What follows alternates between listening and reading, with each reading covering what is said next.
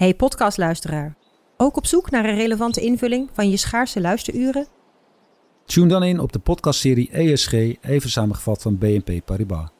Wij, Marloes en Aldert, spreken daar duurzame voorlopers en wereldverbeteraars. Waarover dan? Nou, bijvoorbeeld of we ooit duurzaam kunnen gaan vliegen. En waarom koeien in de stad nou een goed idee is? Dat en meer elke twee weken in een nieuwe aflevering. Dus abonneer je.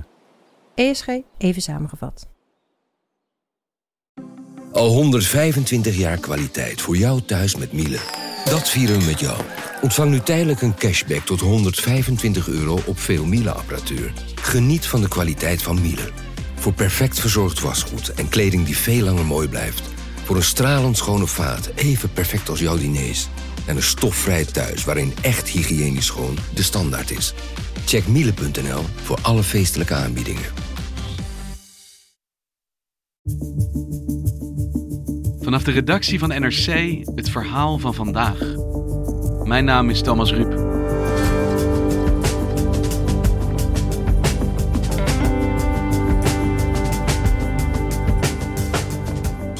Latijns-Amerika staat bekend om een cultuur van machismo en Brazilië in het bijzonder.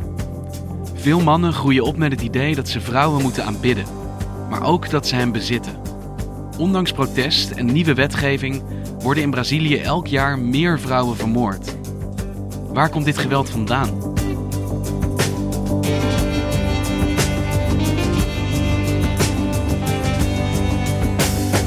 Een 55-jarige vrouw, ze heet uh, Elaine Perez Caparros. Had op een gegeven moment contact met een 27-jarige student. Nina Jurna is correspondent voor NRC in Zuid-Amerika en ze woont in Rio de Janeiro. Nou, ze hebben echt een paar maanden uh, via Tinder contact gehad. En uh, de eerste ontmoeting zou plaatsvinden. En zij dacht, nou weet je, ik nodig hem bij me thuis uit. Want ze had het idee dat dat veiliger zou zijn. Dat ze dus niet ergens op straat of in een, in een bar zouden afspreken.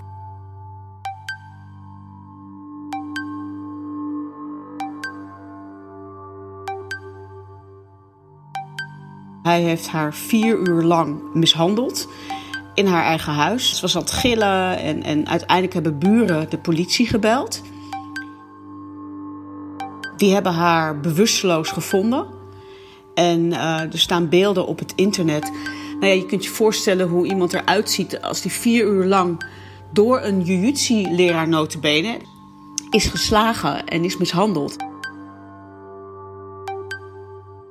Ze had 40 hechtingen, tanden zijn uh, eruit geslagen. En zij heeft zichzelf, dus eigenlijk vanuit het ziekenhuis toen ze eenmaal uh, weer bij bewustzijn was, heeft zij gefilmd hoe ze eraan toe was, verteld wat er gebeurd was. En heeft dat hele verhaal uh, online gezet. Antes de dormir, ele falou assim: Posso dormir aqui? Eu falei: Pode. É, ele falou: Então deita no meu ombro pra gente dormir abraçadinho, pra gente dormir juntinho. Eu falei: Tá bom. Eu acordei com ele me esmurrando a cara. Ook wel vanuit van, nou, ik heb het overleefd. En uh, om ook andere vrouwen die dit meemaken eigenlijk uh, te laten doen inzien. Trek aan de bel, ga naar de politie. Want dit is uh, heel veel voorkomend probleem in Brazilië. Dat vrouwen worden mishandeld en ook vermoord door exen of door hun, hun echtgenoot. En zij heeft dus willen laten zien van nou, dit is met mij gebeurd.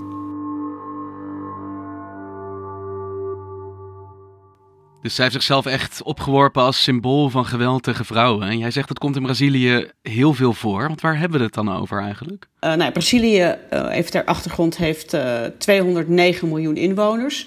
En in 2017 zijn er meer dan duizend vrouwen vermoord vanwege hun seksen. This is Brazil, where violence against women is the fifth highest in the world. Brasileiro acha. The typical Brazilian male believes the woman is his object.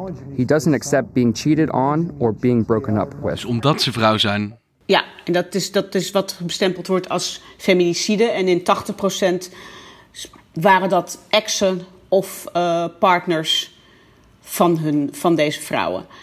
Dit jaar is het eigenlijk nog heftiger geworden. Want nu al, de eerste maanden van dit jaar liggen nu al op vier vrouwenmoorden per dag.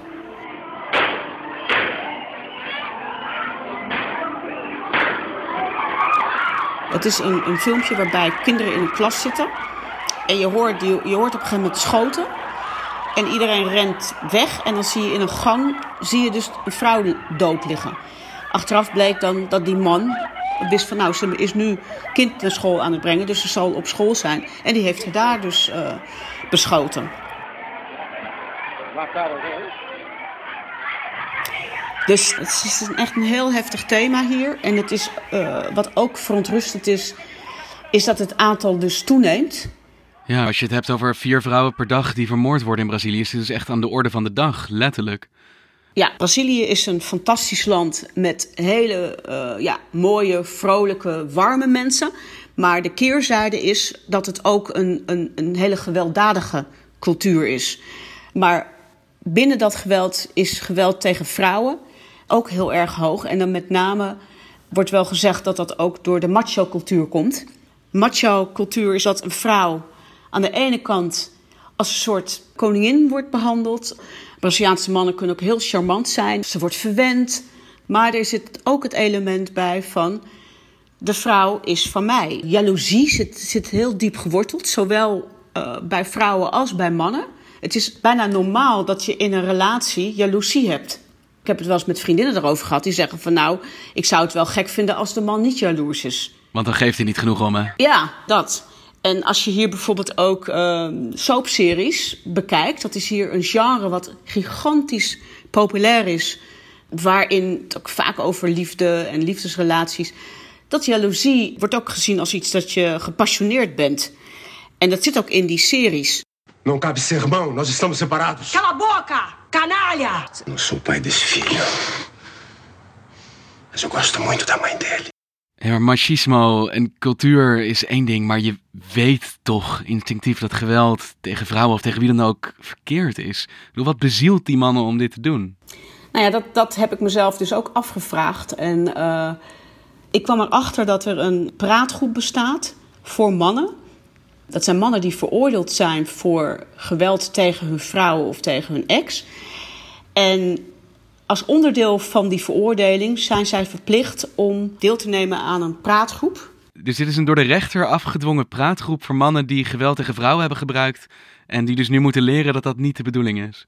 Het is een speciale groep en ik ben daar naartoe gegaan in de hoop dat ik dus met de mannen kon praten over wat hun inderdaad bezielt. Je bent als vrouw um, bij zo'n sessie aanwezig geweest? Ik ben, uh, laat ik het zo zeggen, ik heb met de mannen gesproken na de sessie. En het is dan een, een zaaltje waar dan uh, iets van 15 mannen waren in het gerechtsgebouw in Rio de Janeiro. En die mannen die komen daar dan uh, wekelijks. het zijn lange sessies. En nou, er zitten dan iets van ja, maximaal 15 mannen. Onder leiding van een, van een psycholoog. En er waren toch wel behoorlijk wat mannen die akkoord gingen. Die zeiden van nou, we willen wel erover praten. Echt waar? Verbaasde en, dat je, uh, dat ze met jou wel wilden praten? Ja, heel bijzonder. Want uh, kijk, maar ik denk ook dat het kwam, dit was de laatste sessie. Dus deze mannen waren dus al zes weken, wekelijks kwamen ze daar. Dus die waren ook al wat verder, denk ik, dan in het proces. Wat mij heel erg opviel, en dat vond ik eigenlijk wel uh, ja, ook wel verontrustend dat er toch nog steeds mannen waren in die groep die de vrouw de schuld gaven. Die vrouwen de schuld gaven de vrouw, van het geweld dat tegen hen gebruikt werd? Dat de vrouw hen daartoe had gedreven. He, ze heeft me gek gemaakt. Ze begon te dreigen dat ik mijn kind nooit meer mag zien. En ook dat ze gingen nadenken van hoe zij zelf zijn opgevoed. In heel veel van de gevallen waren die mannen ook kinderen van vaders die sloegen, die hun moeders sloegen. Er zei ook iemand van, die zei: Ik heb altijd alleen maar gezien dat mijn moeder geslagen werd door mijn vader. We werden dan weggestuurd en dan, ja, die, hoorden ze hun moeder gillen en zo. En dat is waar, hoe, hoe, het voorbeeld wat ze ook hebben meegekregen.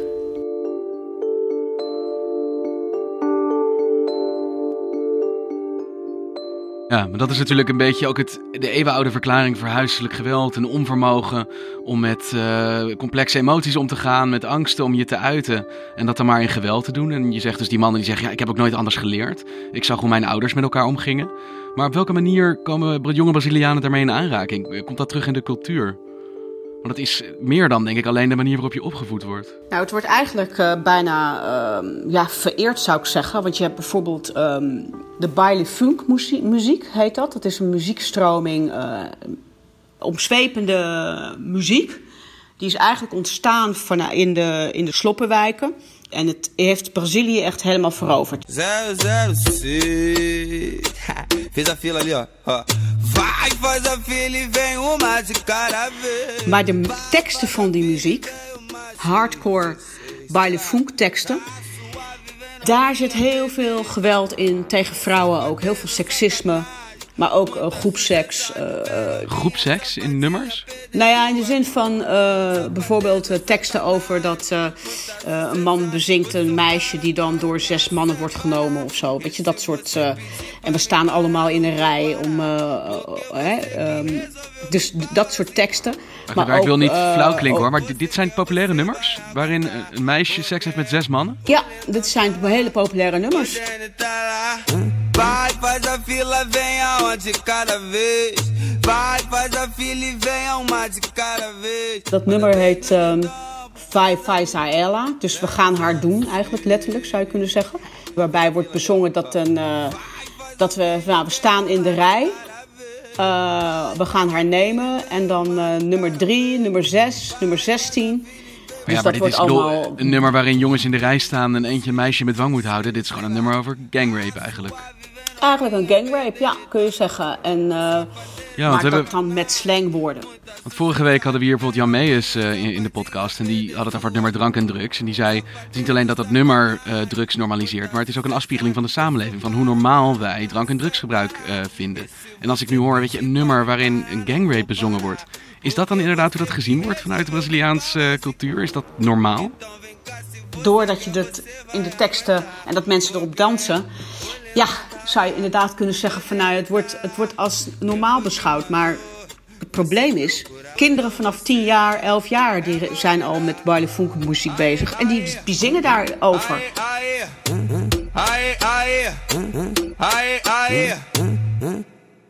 Want je schetst wel een complex probleem. Want aan de ene kant heb je dus de grondslag van die archaïsche man-vrouw verhoudingen. De, de, de man is de baas en de vrouw de prinses die heeft maar naar hem te luisteren. Maar tegelijkertijd wordt ook dat bevestigd dus door jongere cultuur. Waarin dat eigenlijk op een andere manier uh, ook verheerlijkt wordt. Dus hoe gaat dit dan ooit veranderen daar? Nou, dit probleem is uh, heel lang ongestraft gebleven eigenlijk. En de laatste ja, zeg tien jaar zijn er een aantal dingen uh, veranderd daarin. Er is in 2006 is er een wet gekomen tegen geweld tegen vrouwen, om dat te bestraffen, zwaarder te bestraffen. En wat is dat voor een wet? Dat is een wet die is uh, vernoemd naar een vrouw, Maria da Peña, die zelf ook slachtoffer is van geweld. Uh, haar man heeft haar twee keer geprobeerd te vermoorden. Uh, los van het feit dat hij uh, haar ook mishandelde. Eén keer in haar slaap heeft hij haar beschoten. Dat heeft ze overleefd. Ze beschoten terwijl ze lag te slapen? Ja. En hij heeft geprobeerd haar um, uh, in het bad te elo elektrocuteren. Ja, inderdaad. Ze is verlamd geraakt door deze aanslagen. En is is een gevecht, een juridisch gevecht uh, begonnen om hem veroordeeld te krijgen. Wat heel moeilijk was, want er was op dat moment geen wet voor. En, er stond um, geen wet tegen het neerschieten van je vrouw of het haar in bad proberen te elektrocuteren? Ja, en ook niet specifiek tegen, van geweld tegen vrouwen. Dat was ook heel moeilijk te bewijzen voor haar. Hij ontkende ook alles. En uiteindelijk uh, he, heeft ze dus via het internationale recht wel haar gelijk gekregen. Maar uh, hij is ook weer na twee jaar vrijgekomen. Na twee jaar? Voor een dubbele poging tot moord? Ja. Maar wat haar verdienste is, is dat er een wet gekomen is. Met een aantal punten die de rechten van de vrouw beschermen. Waar ook met name binnen een huwelijk. Omdat het bleek dat eigenlijk heel veel vrouwen het idee hadden van, nou ja, het hoort er nu eenmaal bij. En wat heeft dat veranderd? Wat de afgelopen twee jaar is veranderd, is dat er nu ook een wet is op feminicide. Dus op echt het, de moorden, vrouwenmoorden. En dat een man veroordeeld kan worden tot maximaal 30 jaar. Nou, dat heeft ook teweeg gebracht dat meer vrouwen, waar ook een poging tot moord heeft plaatsgevonden, dat die dus ook naar de politie zijn gestapt. En dat er dus ook mannen veroordeeld zijn die daarvoor vrij uitgingen of zich niet bedreigd voelden.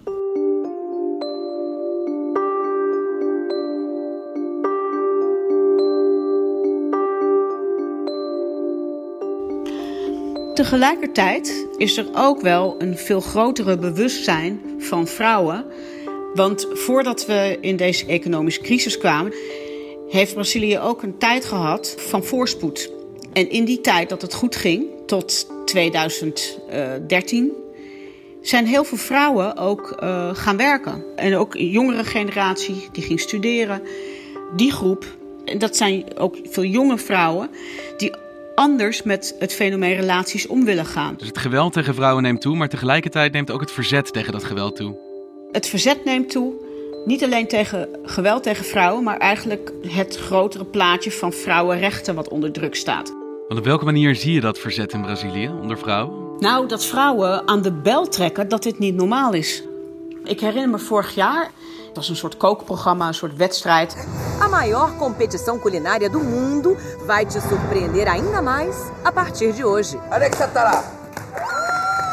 En een meisje van 12, die ging koken en er was een jury die haar beoordeelde. En een van die juryleden, die begon eigenlijk een beetje erotische opmerkingen te maken. Het werd live uitgezonden. Zo van, nou, je bent 12, maar je ziet eruit als een vrouw. En, en nou, dat viel helemaal verkeerd. Toen gingen vrouwen allemaal delen op internet dat zij eigenlijk in hun jeugd door mannen zijn aangerand of verkracht. En vrouwen gingen het allemaal delen. Eerste moment dat ik ben lastiggevallen. Hashtag. A hashtag Primeiro Assédio foi utilizada por muitas mulheres anônimas e famosas, demonstrando que o Er is toen zelfs een app verschenen waarin uh, meisjes op straat, als ze dan werden lastiggevallen, konden ze zich gelijk melden op die app waar dat had plaatsgevonden. Het ging helemaal viral, dit onderwerp. Op een gegeven moment kwam er een reactie van mannen. Bekende Braziliaanse mannen traden in de media naar voren. Dus acteurs, muzikanten. En die gingen eigenlijk hun excuses aanbieden voor het machismo-gedrag. Die zeiden mea culpa. En toen zag je ook hoe, hoe zich dat kan mobiliseren. Er gaan echt uh, ja, honderdduizenden vrouwen gaan de straat op.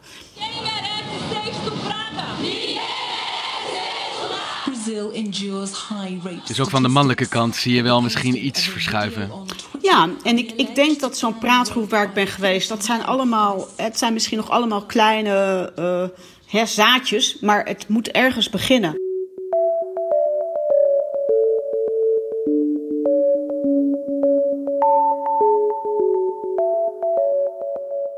Is een bijna tegenstrijdige ontwikkeling die je beschrijft. Want aan de ene kant zeg je, er is uh, bewustwording ontstaat er. En je vertelt over een vrouw die wordt in elkaar geslagen. En denkt, ik pik dit niet meer. Ik film dit en ik zet alles op sociale media. Zodat iedereen ziet wat hier gebeurt. Mannen die hun excuses aanbieden. Maar aan de andere kant neemt het geweld tegen vrouwen al jaren toe. En is dat de reden dat we elkaar nu spreken. Dus waar moet dit heen? Zeg maar, waar gaat dit aflopen?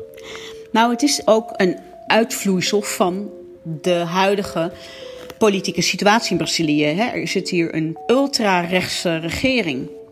Waarbij een vrouwelijke minister notabene... Zij is van vrouwenzaken en mensenrechtenzaken. Zij heeft onlangs gezegd: vanuit mijn christelijke achtergrond zie ik dat de man de baas is en de vrouw moet onderdanig zijn aan de man. Dentro da doutrina cristã, sim.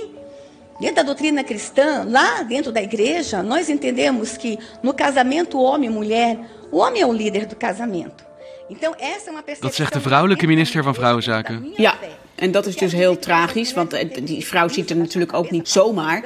Die is echt aangesteld door Bolsonaro, die zelf uh, ook zo denkt. Maar die moeten dat probleem toch ook zien? Die zien toch ook die cijfers die jij uh, mij net vertelt? Die, die moorden die toenemen, het geweld, vier vrouwen per dag. Ja, en dat kan, het zal ook toenemen omdat Bolsonaro wil namelijk de uh, wapenwet versoepelen. En vrouwenorganisaties zijn heel erg bang dat het aantal moorden dan toe gaat nemen.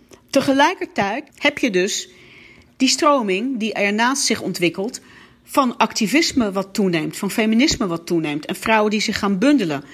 Dus het lijkt uh, haaks op elkaar te staan, maar misschien is het een wel juist een antwoord op het andere.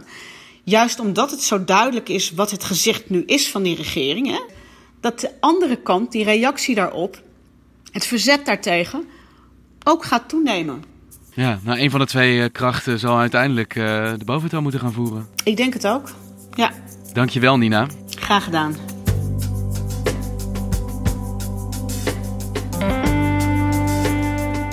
Je luisterde naar vandaag podcast van NRC. Eén verhaal, elke dag. Vandaag wordt gemaakt door Mirjam van Zuidam, Henk Ruigrok van der Werven, Julie Blusset, Tessa Kolen, Ido Havinga, Jan-Paul de Bond en Ruben Pest. De muziek die je hoort is van Rufus van Baardwijk. Dit was vandaag, maandag weer.